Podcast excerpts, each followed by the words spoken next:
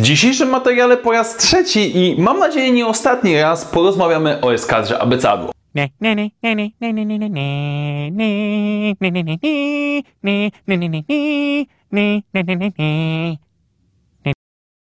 Witajcie kochani bardzo serdecznie w materiale, na który długo czekałem, na który chciałem zrealizować i w końcu zasiadam, żeby z Wami porozmawiać po raz trzeci o eskadrze abecadu, a mianowicie Victory Prize, czyli trzecia, ostatnia część trylogii od Aleksandra Frida. I zanim przejdziemy dalej, kilka rzeczy organizacyjnych, które są istotne dla tego dzisiejszego materiału. Po pierwsze, cała recenzja będzie poza zakończeniem, poza podsumowaniem spoilerowa, tak więc jeżeli nie chcecie sobie psuć zabawy, jeżeli nie chcecie powiedzmy dowiedzieć się, co się właściwie dzieje i tak dalej, to przejdźcie do tej minuty albo w spisie treści pod tym materiałem. Sobie zobaczcie, do którego momentu musicie przeskoczyć, żeby przejść do podsumowania w którym będę bezspoilerowo już podsumowywał zarówno tą książkę, jak i również całą trylogię. I to jest drugi punkt, e, ponieważ będę tutaj odnosił się, ciężko jest, inaczej, ciężko jest omówić tą książkę nie odnosząc się do dwóch poprzednich, bo jest to bardzo ściśle ze sobą grająca trylogia, więc zaznaczam to od razu.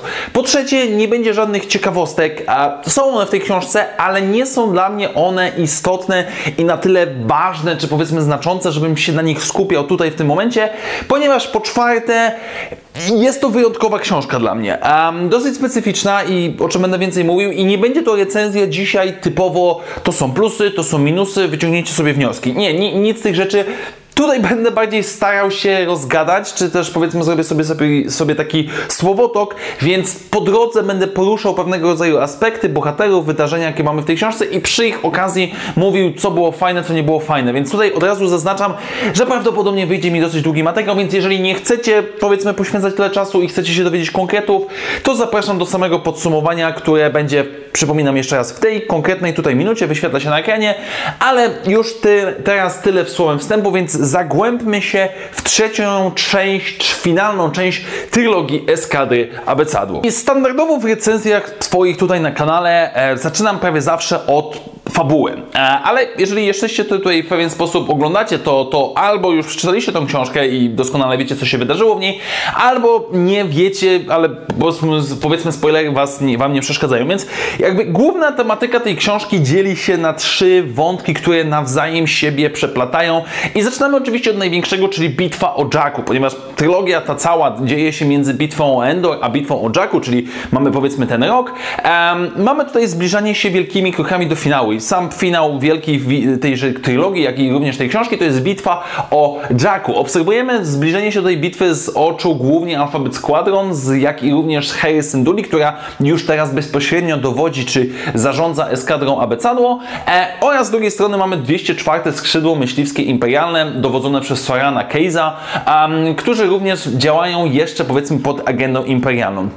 I co jest niezwykle istotne, mamy tutaj inne spojrzenie w ogóle na bitwę o, mm, o Jacku. E, I jest o tyle dobry plus, że nasi bohaterowie, czy to z jednej, czy to z drugiej strony, są relatywnie niewielkimi jednostkami. Aleksander Fried dosyć sprawnie moim zdaniem ukazał gigantyczny ogrom tej bitwy, zarówno jeżeli chodzi o aspekt militarny, gdzie po prostu bitwa na całą kosmo, na całą planetę z atakiem naziemnym w kosmosie jest naprawdę gigantyczna i czujemy, jak nasi bohaterowie z jednej z drugiej strony są niewielcy tak naprawdę w skali tego wszystkiego, e, jak i również z drugiej strony pokazał, dlaczego rebelii, czy też Nowej Republice już tak bardzo zależało na tym wszystkim, żeby jak najszybciej przyprzeć do muru resztki Imperium i je pokonać. Z drugiej strony fajnie obserwować moim zdaniem zupełnie inną perspektywę niż mieliśmy w przypadku trylogii Koniec i Początek, gdzie tam Reslon, która była główną przywódczynią Imperium, resztek Imperium, jest widoczna. Tutaj jest tylko gdzieś tam lekko wspominana i z perspektywy 204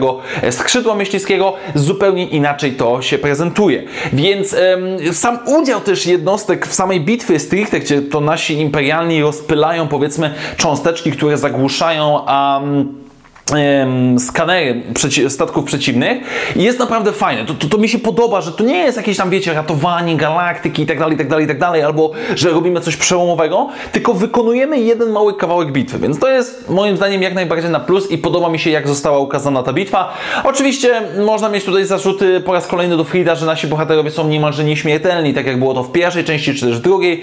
W finałowej bitwie, gdzie teoretycznie kilka osób powinno umrzeć, nikt tak naprawdę nie ginie, po, z głównych bohaterów, bo oczywiście oczywiście wszyscy poboczni NPC giną jak najbardziej. W tym wszystkim um, mamy wątek Sorana Case'a, który jest przywódcą imperialnego skrzydła, który stara się znaleźć wyjście, który dochodzi do wniosku, o czym będę więcej mówił, że no, imperialni nie mają szans, przegrają i tak i tak, a Nowa Republika nie okaże lojalnym żołnierzom imperium żadnej litości, więc on próbuje znaleźć jakieś rozwiązanie i rozwiązanie to znajduje w posłańcu od imperatora, który nadal jest z naszymi imperialnymi, który zostaje wybyczony, zostaje zbadany i Soren Case znajduje trop prowadzący na Coruscant, gdzie znajduje się gigantyczna baza danych, która ma informacje na temat um, wszystkich imperialnych, którzy kiedykolwiek cokolwiek złego zrobili w, w ramach całej struktury.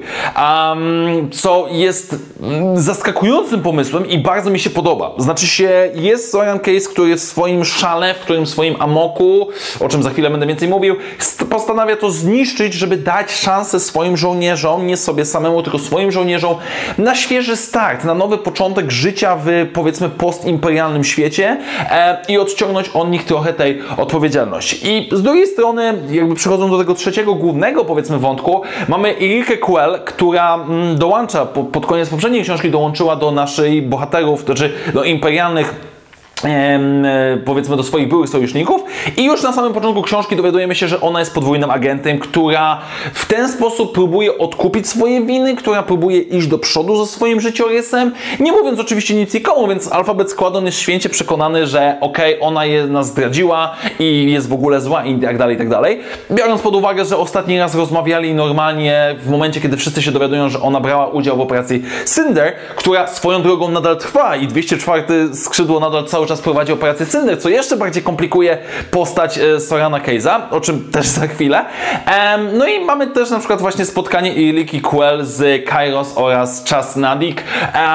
I to wszystko łączy się w wielkie, powiedzmy, zakończenie tej trylogii, o którym będę chciał powiedzieć trochę więcej w następnej części. Więc, więc teraz jakby strukturalnie ta książka naprawdę się zgrywa. Nie ma tutaj aż takich, powiedziałbym, przesad, jak było w drugiej części jest, ogólnie rzecz ujmując, już troszeczkę przyspieszając zakończenie, jest to druga najlepsza część tej trylogii. Dwójka rzeczywiście miała słabsze tempo, podczas gdy jedynka i trójka trzymają moim zdaniem równy poziom i pod tym względem, pod względem jakiejś budowy fabuły, konstrukcji tego wszystkiego, wpisuje się to zarówno w świat gwiezdnowojenny, wpisuje się w tą trylogię i generalnie prezentuje się moim zdaniem całkiem sympatycznie sympatycznie, jeżeli chodzi o całą książkę. I teraz, moi drodzy, um, tak naprawdę trzeba przejść do bohaterów, um, bo nie oszukujmy się już w poprzednich książkach, ale w tej jakby bardzo mocno przypomniało mi się, że głównie ta książka opiera się na bohaterach i na ich przemyśleniach i ich podejściu do życia, do działań wojennych, do tego wszystkiego, co wszystko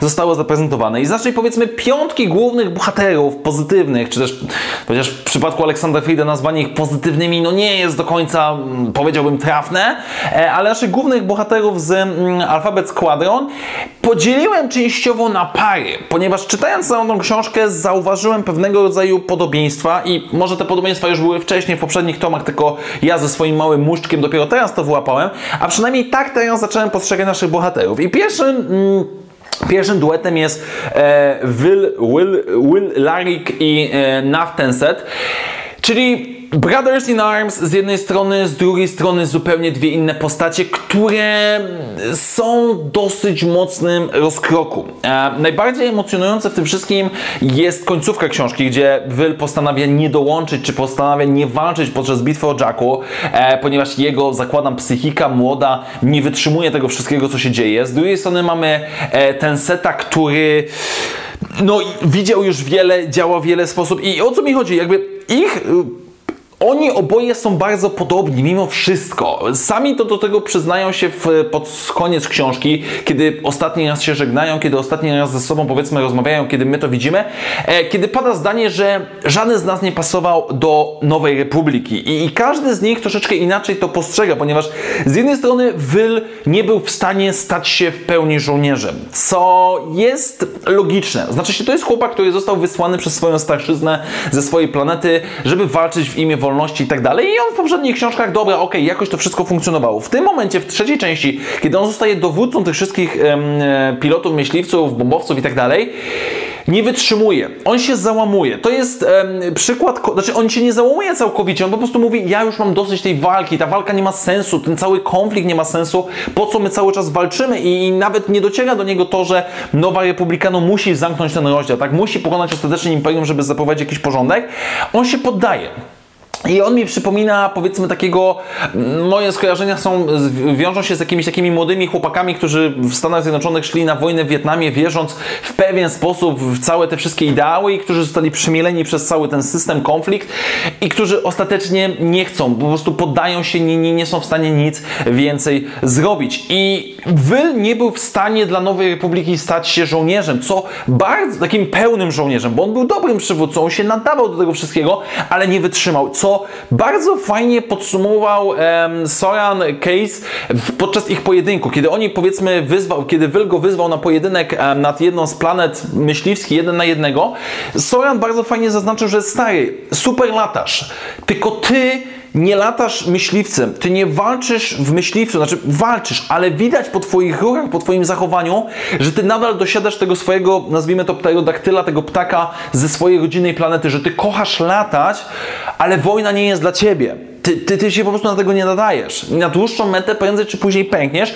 i Will to robi. I jak pierwszy raz przeczytałem, kiedy on mówi swoim oddziałom, że ej, słuchajcie, nie będę wami dowodził um, na Jacku, autentycznie chciałem go walnąć w mordę, tak jak zrobił to Tencent. Tencent, który też nie pasuje do tego wszystkiego. Znaczy się, on sam jasno zaznacza, że Nowa Republika nie jest dla niego. Mimo tego, że dwa czy trzy razy został bohaterem, mimo tego, że był dobrym przywódcą i tak jak Will zaznacza mu, gdybyś otoczył się dobrymi ludzi, ludźmi, mógłbyś się w tym odnaleźć, ten set nie chce. Ten set nie chce ograniczeń, nie potrafi się w tym odnaleźć w świecie powojennym. On pod koniec książki zakładam dołącza do jakichś tam służb specjalnych, zakłada swoją małą mini eskadrę, która ma walczyć dla Nowej Republiki gdzieś tam w tajnych wojnach, powiedzmy CIA, coś na tej zasadzie, co wpisuje się w jego charakter. I obaj ci bohaterowie nie chcą się zmienić. Znaczy nie potrafią się zmienić, nie potrafią się dostosować do tego, co Nowa Republika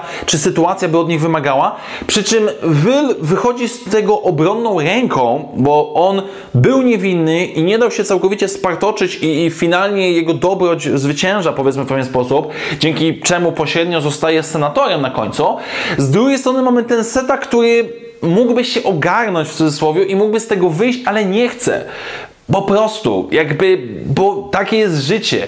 Więc nie powiedziałbym też, że ten set jest cynikiem, a Will jest naiwnym młodzieńcem, bo ta relacja troszeczkę bardziej wyszła poza coś innego. I obu mogę częściowo zrozumieć, obaj nie do końca do mnie przemawiają i, i pod tym względem um, są trochę mgliści. Szczególnie powiedziałbym ten set, który no niby można go zrozumieć, ciężko go nie lubić, ale z jednej strony gdzieś tam finalnie zostaje trochę niesmak, niesmak czy przykry z tego względu, że taki bohater, taka postać, no chciałbym, ja bym po prostu chciał, że ej, ten set jakby mam, mam cały czas w głowie wyobrażenie, że ten set w innych, w przypadku innej trylogii Gwiezdnowojennej na samym końcu zostałbym, bym ty dowo- zostałbym tym dowódcą.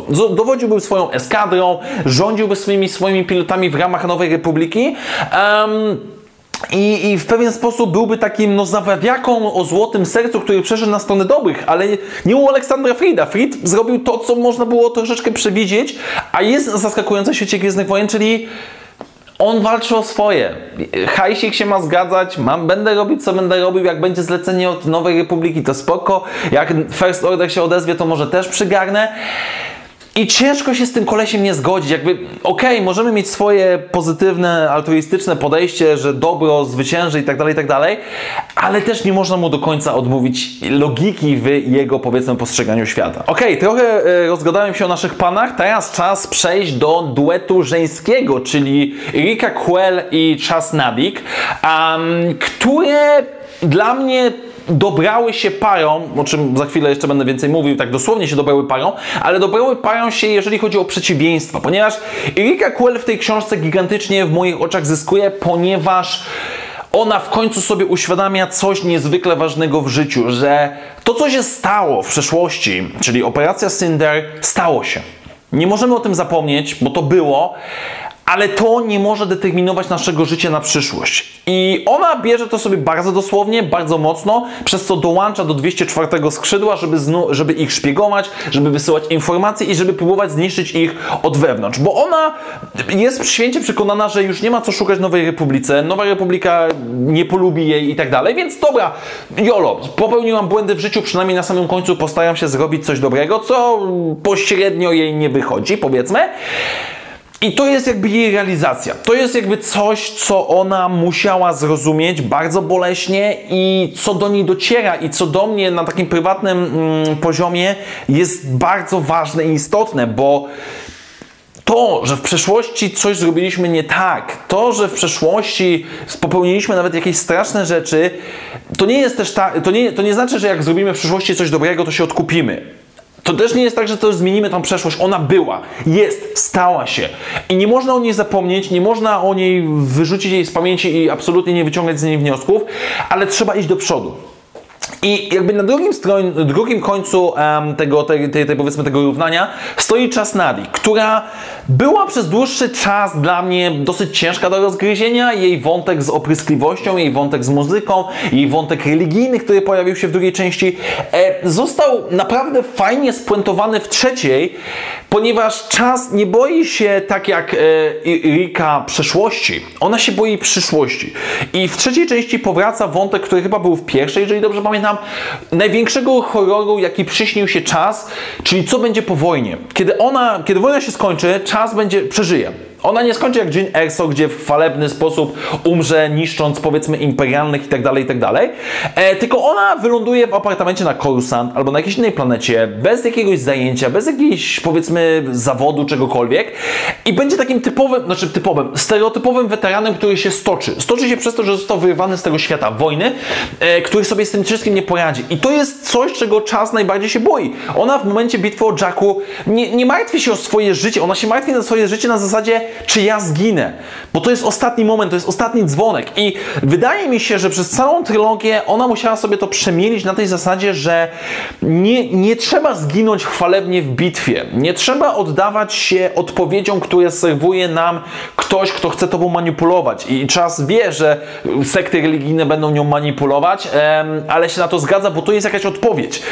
I wydaje mi się, teraz jak nad tym myślę, że czas musi sobie uświadomić, że przyszłość istnieje i czasami te najprostsze rozwiązania nie są najlepsze, bo można oczywiście się zabić czy zginąć w wojnie chwalebnie. Można żyć z tym, co ktoś inny ci nakaże z góry, tak, że musisz postępować w ten sposób można sobie zbudować przyszłość na własnych siłach, że można w jakiś sposób działać. I te dwie panie pod tym względem moim zdaniem się uzupełniają. Jedna boi się przeszłości i musi sobie przetrawić swoją przeszłość, żeby pójść do przodu. Inna musi zaakceptować to, że jest przyszłość jakaś inna niż oczywista, prosta i pod tym względem iść do przodu. I, i, i to jest jakby teraz, jak się na tym zastanawiam, dla mnie prywatnie, y, ze względu na moje własne prywatne doświadczenia, jest to niezwykle mocne przesłanie. Bo jasne, świat nie jest różowy, świat nie jest idealny. Czasami zrobimy coś strasznego, czasami boimy się tego, co zrobiliśmy, boimy się tego, co się stanie w przyszłości, boimy się niewiadomych rzeczy, ale z tym wszystkim trzeba sobie poradzić. I tutaj naprawdę dobrze moim zdaniem to wychodzi. I jedyna rzecz, jaką muszę się przyczepić, um, to ich wątek romantyczny. Znaczy się pod sam koniec książki e, dziewczyny wychodzi na to, że są parą e, i nie chodzi o to, że są parą, nie wiem, homoseksualną czy coś w tym stylu. Jest to jak grom z jasnego nieba. Znaczy się, mam trochę wrażenie, że czytając to na samym końcu, na ostatnich 15-10 stronach książki, Trochę to wygląda na tej zasadzie, jakby Fried chciał na siłę dorzucić nam wątek romantyczny na zasadzie kto się czubi, ten się lubi, czyli jak przez trzy książki czas um, obiecuje Rice, że kiedyś ją tam zabije, że jej nie lubi i tak dalej, a w trzeciej części dosłownie masakruje ją tam w jakiejś budce telefonicznej, no to na końcu one muszą być razem. I jakby nie przeszk- jakby finalnie mogę zrozumieć o co chodziło, tak? Dwie osoby, które w ogóle są po dwóch przeciwny, przeciwnych stronach, um, w jakiś sposób to do, dochodzą do siebie, bo, bo widzą sobie, zaczynają widzieć w siebie ludzi, a nie przeciwników.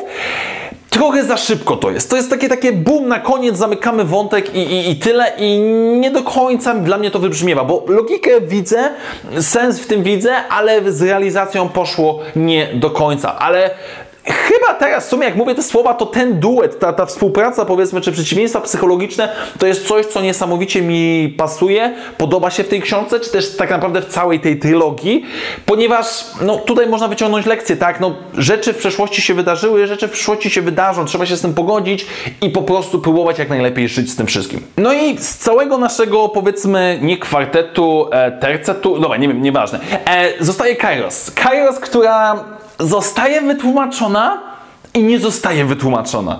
I generalnie jestem niezwykle wdzięczny Friedowi, że nie dał nam oczywistego rozwiązania. Nie dał nam nazwy planety, z której pochodzi Kairos. Nie, na, nie, nie, nie opisał nam dokładnie, jak ona wygląda, jak funkcjonuje.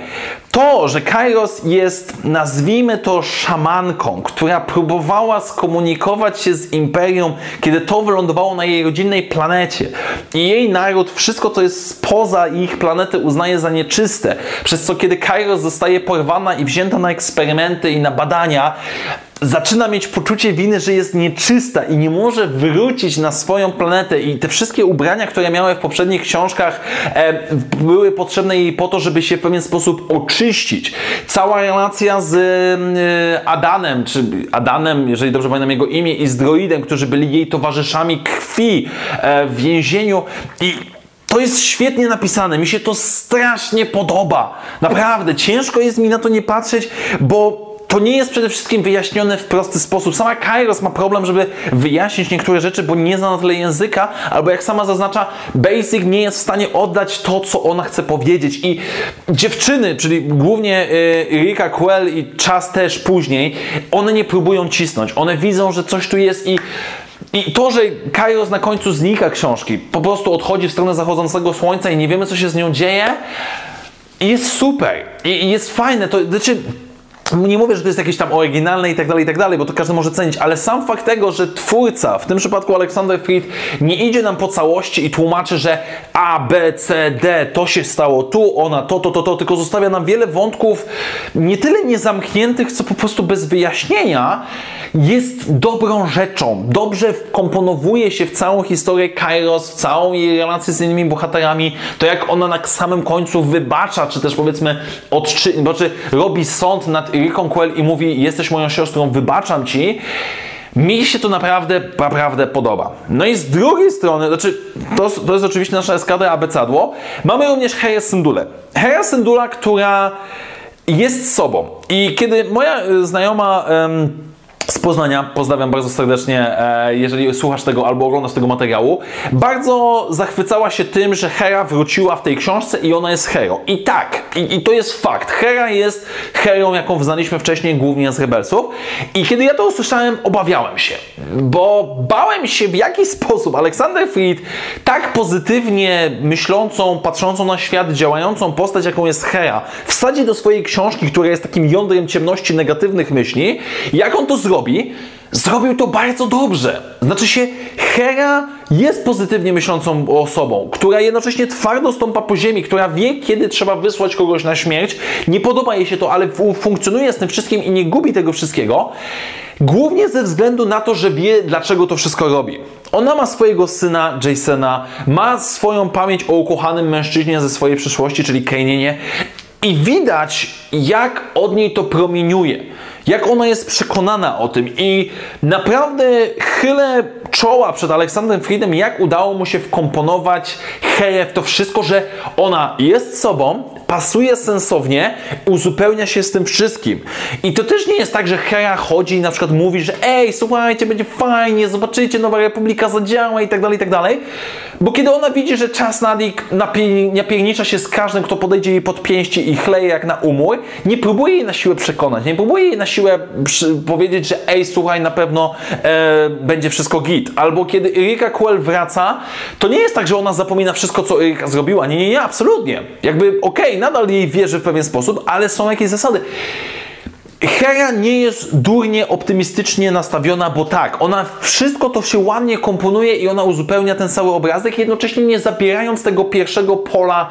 Um, naszym bohaterom głównym. I dla mnie za coś takiego naprawdę duży, duży plus dla Aleksandra Frida, że udało mu się postać, która teoretycznie nie pasowała do tego wszystkiego, wrzucić sensownie do tej historii. No i na sam koniec, e, jeżeli chodzi o część bohaterów, bo oczywiście, że nie kończymy jeszcze, moi drodzy, dobrze mi się gada, rozgadało mi się, więc jedziemy dalej. Sorian Case, um, przywódca 204 skrzydła, który którego nie jestem w stanie ocenić. A, bo z jednej strony jest on imperialny. Znaczy się wykonuje rozkazy imperialnych, wykonuje dal, dalszy czas, kontynuuje operację Synder, czy też drugą operację Synder, jeżeli tak można na to też patrzeć, mordując planety zamieszkałe przez, lojal, przez nielojalnych według władz obecnych imperialnych, e, innych imperialnych, e, na przykład roztapiając na jednej planecie e, powiedzmy bieguny śnieżne, które zalewają całą planetę, więc generalnie 204 kontynuuje swoją operację Synder dosyć skutecznie, biorąc pod uwagę uwagę środki, jakie mają i tak dalej.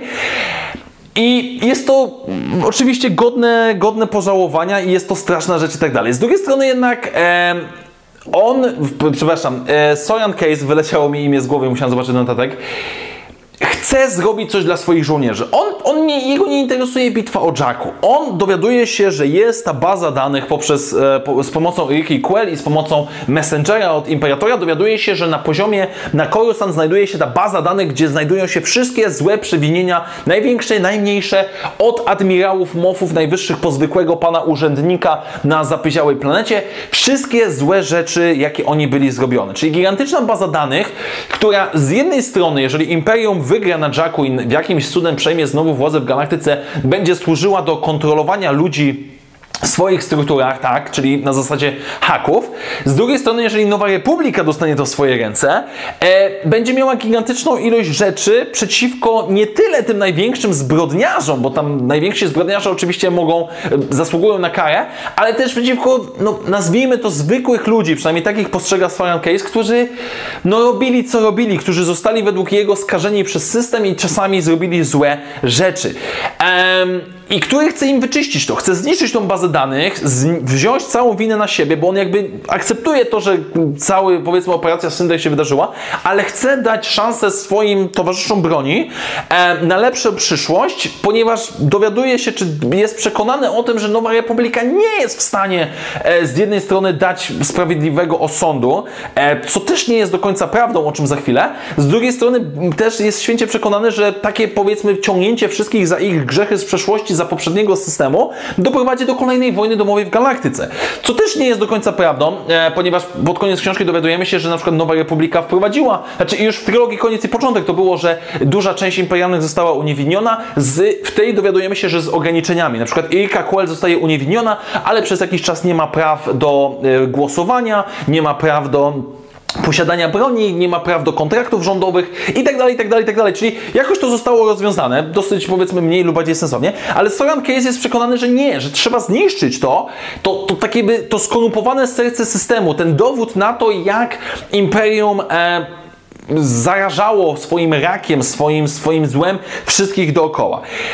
I teraz przez pół książki, czy przez całą tak naprawdę książkę i do momentu jego śmierci w finale na Coruscant, nie jestem pewien, jak na niego patrzeć. Z jednej strony mm, można powiedzieć, że jest szaleńcem, no bo, no bo y, teoretycznie ratując swoich towarzyszy, zabijasz miliony ludzi na innych planetach i jest ślepo zawierzony. Z drugiej strony on próbował, według jego doświadczeń, próbował żyć normalnie, ale nic z tego nie wyszło. Y, Erika Quell dla niego jest też dowodem, że Nowa Republika, no sorry, ale nie da nam sprawiedliwego osądu on jest też w pewien sposób zniszczony tym wszystkim. On jest świadomy, on, on jest wierny swoim towarzyszom broni i uważa, że robi dla nich jak najlepiej jakby jest to, jest to problematyczna postać. Znaczy się, no jest, z jednej strony jest zbrodniarzem wojennym, z drugiej strony jest zbrodniarzem wojennym, który stara się przygotować galaktykę na pokój, który długo może nie trwać, jeżeli ta baza danych trafi w nieodpowiednie ręce. E, co też jest gigantycznym pytaniem, czy Nowa Republika jest w stanie poradzić sobie z tak gigantycznym obciążeniem, jaka jest jedna wielka baza danych obciążeń dla imperialnych. Więc Soran Case finalnie wychodzi na naprawdę interesującą ciekawą postać. Tak jak e, babcia, czy też babcia z pierwszej części, która była przywódcą 204, była taką typową imperialną, Soran Case widzi w tym wszystkim jakiś cel działania. Twierdzi, że cel uświęca środki, zabicie kilkuset e, tysięcy czy też milionów mieszkańców Korustant, niszcząc bazę danych, to niewielka cena w porównaniu z tym wszystkim. No i nie mam tak naprawdę jednej wielkiej odpowiedzi, bo no raczej nie. Chciałbym, żeby ta baza danych dostała się w nowe ręce, nowe ręce Nowej Republiki, ale też nie mogę 100% powiedzieć, że jest to pewne bezpieczne rozwiązanie, więc Sorian Case jest czymś, co jest postacią, która bardzo fajnie podkreśla to, co jest najcenniejsze dla mnie w tej książce, o czym teraz będziemy mówić. I po tym jakże sprawnym, smukłym przejściu do następnej części moich notatek, najmocniejszy plus tej książki, czyli Fried rewelacyjnie ukazuje problemy końca konfliktu, końca wojny domowej. Bo zazwyczaj um, Gwiezdne Wojny są, nazwijmy to grzeczną marką, tak? Książki raczej nie poruszają bardzo ciężkich tematów w jakiś tam specjalny sposób, czego przykładem może być trylogia Koniec i Początek, która po prostu, dobra, no wszystko się zakończyło, wojna się skończyła i tak dalej. Ale, ale biorąc pod uwagę już wcześniej, jak widzieliśmy, co działo się z Nową Republiką po epizodzie 6 i w okolicach powiedzmy epizodu 7, coś musiało nie wyjść. I Aleksander Fried stara się to pokazać w najbardziej prozaiczny sposób. Um, że koniec wojny to nie jest happy end dla wszystkich, że koniec wojny może być happy endem dla mało kogo tak naprawdę.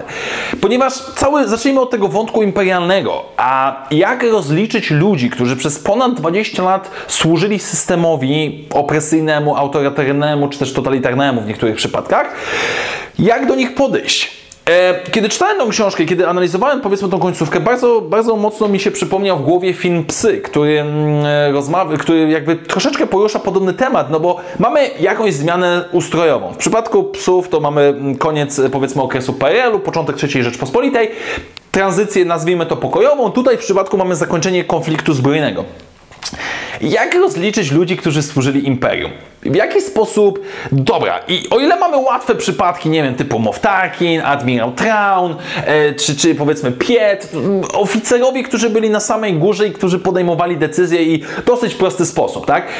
Ale w jaki sposób na przykład rozpatrywać przypadek um, gubernatora jakiejś planety, który autentycznie starał się, chciał w pewien sposób dobrze robić dla swojego, swojej planety i w pewnym momencie na tej planecie ląduje na przykład oddział rebeliantów. No i, i on, ten oddział rebeliantów ukrywa się wśród jakichś cywilów e, i teraz co zrobić? Jeżeli ich nie wykurzymy, no to na górze zaczną nam się wkurzać. Jeżeli ich wykurzymy, będziemy, mamy ryzyko ofiar cywilnych. Generalnie tutaj jest, Sorian Case bardzo fajnie zaznacza, że tak naprawdę cały system, który jest oparty na strachu, na donosicielstwie, na konkurencji między różnymi ludźmi, prędzej czy później skazi każdego, nawet najbardziej światłego człowieka. Każdy, kto będzie nawet próbował z niewinnej pozycji starać się wykorzystać tą sytuację tak jak się da, zostanie skażony. I jest pytanie, kto powinien ich sądzić? Czy Nowa Republika rzeczywiście ma jakiś moralny y, priorytet na tym, żeby ich wszystkich sądzić? Nie wydaje im się, znaczy Sorianowi się nie wydaje i Rice tak samo. I to jest świetne, bo końcówka tej książki nie daje żadnych odpowiedzi. To nie jest tak, że kiedy bohaterowie rozmawiają, to nie jest tak, że ten albo ta osoba nie ma racji, albo ma rację. Każdy ma jakieś punkty. Sama Irika pod koniec mówi Sojanowi, że no dobrze, okej, okay, no rozumiem twoje podejście, a co jeżeli po prostu jesteś gnojkiem, który mordował tysiące ludzi, żeby nie mordować innych tysiąca ludzi? I to mi się strasznie podoba. Fried nie daje nam jasnych odpowiedzi. Nie ma. Jakby są pomysły, widzimy jak Nowa Republika stara się z tym wszystkim działać, w jaki sposób funkcjonować, ale nie ma jest, nie ma happy endu, nie ma zakończenia, nie ma odpowiedzi na wszystkie pytania, nie ma wielkiej parady, która kończy wszystko, bo następnego dnia po konflikcie jest kolejny dzień i kolejny dzień, gdzie trzeba wstać do roboty, ale tej roboty już nie ma, bo wojna się skończyła. Um, pozwolicie, że spojrzę jeszcze swoje notatki, ponieważ e, nie chcę tutaj jakby czegoś e, ominąć. I najmocniejszym punktem tego wszystkiego, moi drodzy, moim zdaniem jest a, końcówka, kiedy w mieszkaniu Ricky Quell spotyka się ona, Will już jako senator i e, Czas Nadik, którzy siedzą sobie na winku i czuć, czuć po prostu tą atmosferę, jak oni zostali w pewien sposób uszkodzeni przez to wszystko. Im się jeszcze jakoś udało, powiedzmy, gdzieś tam e, Will został senatorem, okej, okay, super Czas Nadik i Erika prowadzą jakiś tam swój mały biznesik na e, lataniu statkami, ale czuć, że nic się nie zmieniło. Znaczy się, życie toczy się dalej. To nie jest tak, że pokonamy wielkiego złego na samym końcu, wszystko się rozpadnie, wszystko będzie cacy i fajnie. Bardzo często tak postrzegamy, bardzo często chcielibyśmy, żeby tak funkcjonowało, ale to nie działa. I nie mogę powiedzieć, tak jak wcześniej mówiłem, że wszyscy bohaterowie tej historii są pozytywni. Nikt nie jest tak naprawdę do końca pozytywny. E, Erika musiała sobie poradzić ze swoją przeszłością i ona na samym końcu mówi jasno i wyraźnie: Tak, zrobiłam straszne rzeczy, przeszłości nie zmienię. Czas nad ich próbuje odnaleźć się w przyszłości. Wyl stara się gdzieś tam swoją niewinność wykorzystać jak najlepiej jak umie ale nie ma happy endu. Znaczy się, książka nie kończy nam się pozytywnie i negatywnie. Znaczy się, można no, oczywiście to w ten sposób postrzegać, ale książka kończy nam się następnym dniem.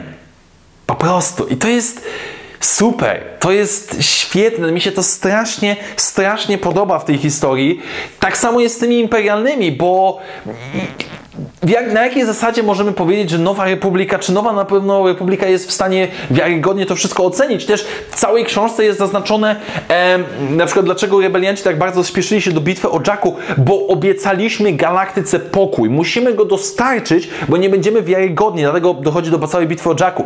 Też również jest pokazane, jakim wyzwaniem gigantycznym jest e, całe stworzenie rządu, zarządzanie tym wszystkim e, i co jeszcze bardziej komplikuje cała operacja Synder, o której chcę swoją drogą opowiedzieć co nieco w osobnym materiale, więc może w przyszłym tygodniu albo dwa tygodnie.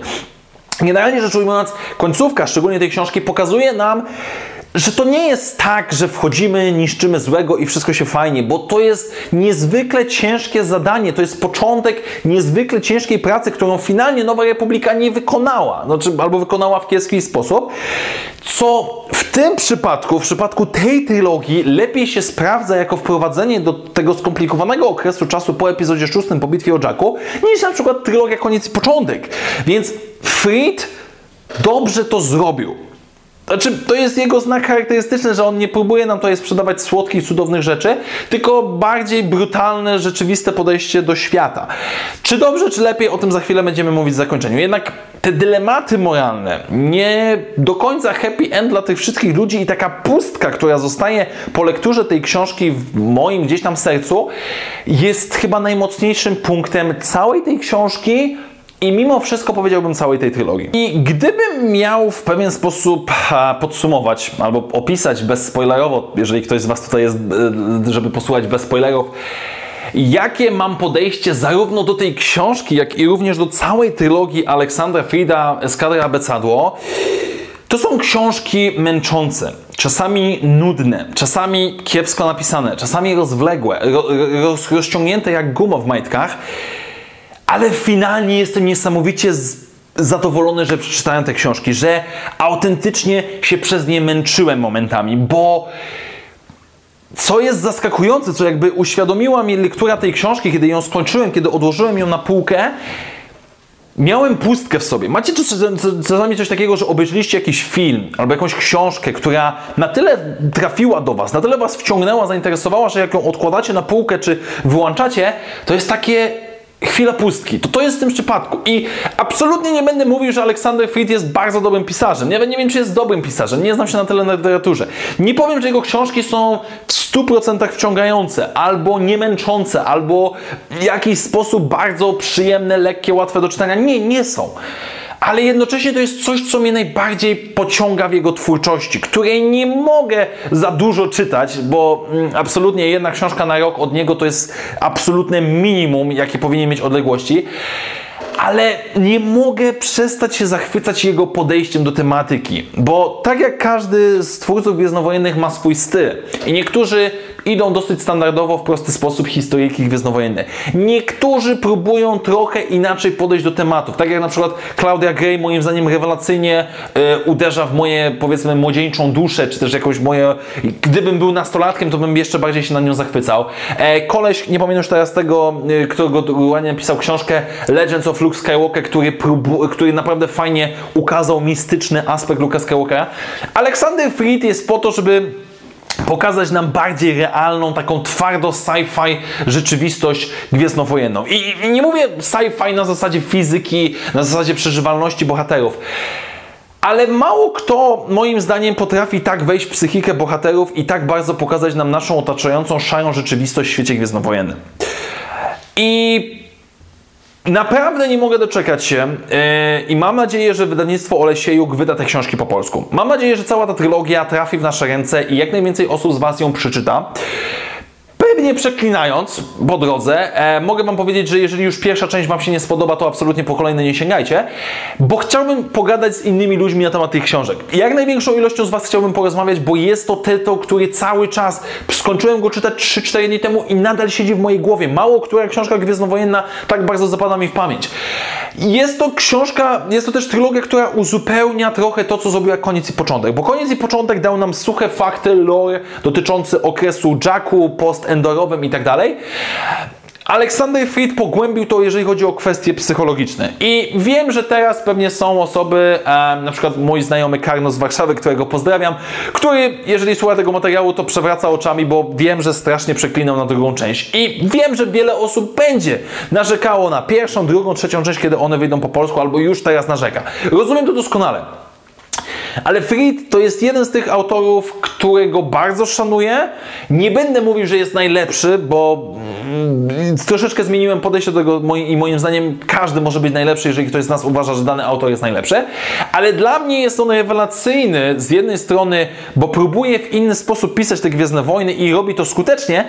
Z drugiej strony absolutnie nie chciałbym, żeby on za dużo tworzył. Znaczy się, niech on naprawdę tworzy w dużym rozdziale czasowym, z przerwami, bo to, co on ma do zaoferowania najbardziej, działa wtedy, kiedy jest w niewielkich ilościach. Więc a, bardzo się cieszę, że Eskadrę Abecadło przeczytałem. Bardzo mi się te książki podobały, jednocześnie mnie wymęczyły niesamowicie. I wielu Was pewnie też wymęczą, ale tak jak mówiłem, naprawdę trzymam kciuki za Was, Olesiejuk. Wydajcie te książki po polsku, czy to w tym roku, czy w przyszłym, bo chcę, żeby jak najwięcej osób przeczytało i chcę jak najwięcej rozmawiać o tych książkach, bo moim zdaniem jest naprawdę o czym. I w tym momencie żałuję, że wszystkie imprezy są poodwołane, lockdown cały czas trwa, bo z miłą chęcią przy piwku ze znajomymi albo z innymi słuchaczami mojego kanału porozmawiałbym o tej książce bo już sam fakt tego tylu, tego, już sam fakt tego, ile gadam o tej książce, już chyba ponad pół godziny wyszło, świadczy, że jest ona dla mnie ważna i istotna. Więc dziękuję Wam bardzo serdecznie, moi drodzy. Dajcie znać w komentarzach, jak Wam się to wszystko podobało. Dajcie znać, po, po, porozmawiajmy, bo jest naprawdę o czym moim zdaniem. Dziękuję Wam bardzo serdecznie. Mam nadzieję, że chociaż trochę Wam się podobało. Do zobaczenia wkrótce w następnych materiałach i jak zawsze, niech moc będzie z Wami. Na razie, cześć!